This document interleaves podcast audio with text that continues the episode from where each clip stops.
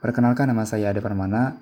Uh, di sini saya akan menjelaskan mengenai resensi buku yang telah saya baca, yaitu yang berjudul Young on Top, uh, karya dari Billy Boone. Uh, di sini ada beberapa poin yang saya sangat garis bawahi ya.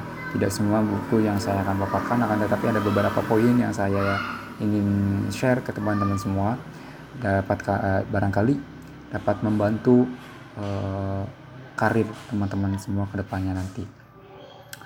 Uh, yang pertama adalah uh, extra meal. Kali saya ingin memberikan saran yang mungkin sudah pernah uh, kamu dengar sebelumnya. Buatlah dirimu selalu tertantang seolah-olah kamu gak pernah puas atas hal yang telah dicapai.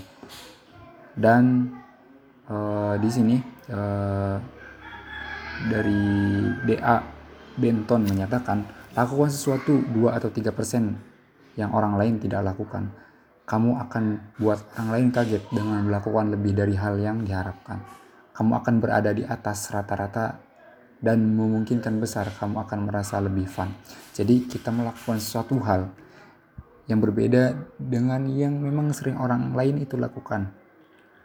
Uh, Misalkan ketika seseorang kebanyakan melakukan suatu hal A misalkan dan kita melakukannya dengan e, melakukan hal yang B misalkan. Nah, itu akan berbeda dan itu akan menonjol meskipun mungkin kadang itu merasa terasingkan. Akan tetapi itu adalah sebuah proses di mana kita akan menemukan di mana passion kita mendapatkan passion kita di situ gitu. Nah, yang selanjutnya di mana di sini juga eh, peran orang tua dan masa kecil itu sangat eh, berperan. Di mana sejak lahir orang tua selalu memperhatikan merawat dan mendidik kita. Pada saat kita belum bisa makan sendiri, mereka dengan sabar menyuapi kita, mereka memakaikan kita baju pada saat kita belum mampu melakukannya sendiri. Mereka mengajarkan kita cara untuk berjalan, mereka mengajarkan kita berbicara, bernyanyi, dan banyak dan masih banyak lagi. Nah, sejalannya bertambahnya umur, kita mulai bisa makan sendiri, berjalan, berbicara, bernyanyi, mengancingkan baju sendiri, dan banyak hal lainnya. Mungkin sekarang kita bisa berjalan lebih cepat atau bahkan berlari, pandai berbicara, dan pandai bernyanyi. Banyak hal yang akhirnya kita lakukan melebihi dari sekedar sesuatu yang pernah diajarkan oleh orang tua kita dulu. Itulah contoh nyata bahwa bila kita melakukan kamu mau berbuat lebih dari hal yang sudah pernah kamu lakukan, kamu pasti bisa. Tentunya hal itu tidak semudah membalikan telapak tangan, tetapi perlu berlatih. Ada pepatah yang mengatakan, uh, artist makes perfect. Nah, sekarang pertanyaannya, apakah kamu bisa berbuat lebih banyak dan lebih baik daripada apa yang pernah kamu lakukan sebelumnya? Dan ada juga sebuah pepatah yang mengatakan bahwasanya orang yang baik adalah orang yang bisa lebih baik daripada dirinya sendiri. Lebih baik daripada diri sendirinya sekarang. Dan itu adalah pepatah yang memang benar. Nah dan yang selanjutnya yaitu job description. Di mana di dunia kerja ini panduan kerja sering disebut job description. Disingkat job desk. Sebagai seorang karyawan kamu tentunya ingin mengetahui hal yang diharapkan oleh perusahaan. Itulah fungsi job desk siapa yang tidak menginginkan segala sesuatu secara jelas. Namun, sayang, pada ternyata memang masih banyak perusahaan kecil dan menengah yang tidak memiliki struktur organisasi jelas, apalagi memiliki job desk untuk semua posisi yang ada di dalamnya perusahaan. Banyak orang berpikir bahwa job desk adalah suatu pegangan mutlak atas yang harus kita lakukan, apa yang harus kita lakukan ketika kerja sesuatu, nah ketika kerja uh, di suatu perusahaan. Kamu juga mungkin berpikir demikian jika kamu berpikir demikian secara tidak sadar, kamu telah membatasi potensi untuk menjadi seorang pekerja yang lebih baik lagi. Nah, apa yang saya maksud di sini? Banyak pekerja yang sebenarnya memiliki potensi baik, namun dia hanya berdiam di posisi itu saja. Karena yang hal, hal yang dia kerjakan hanyalah sebatas yang tertulis di job desk.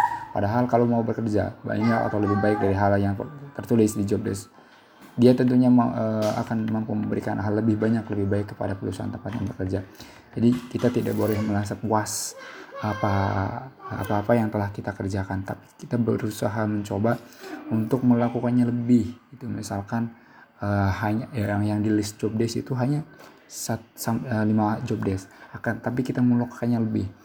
Kenapa? Kebanyakan dari perusahaan-perusahaan itu banyak orang yang mendapatkan reward atau bonus nah mereka melakukan suatu hal yang memang di luar batas uh, job days yang telah dia uh, lakukan.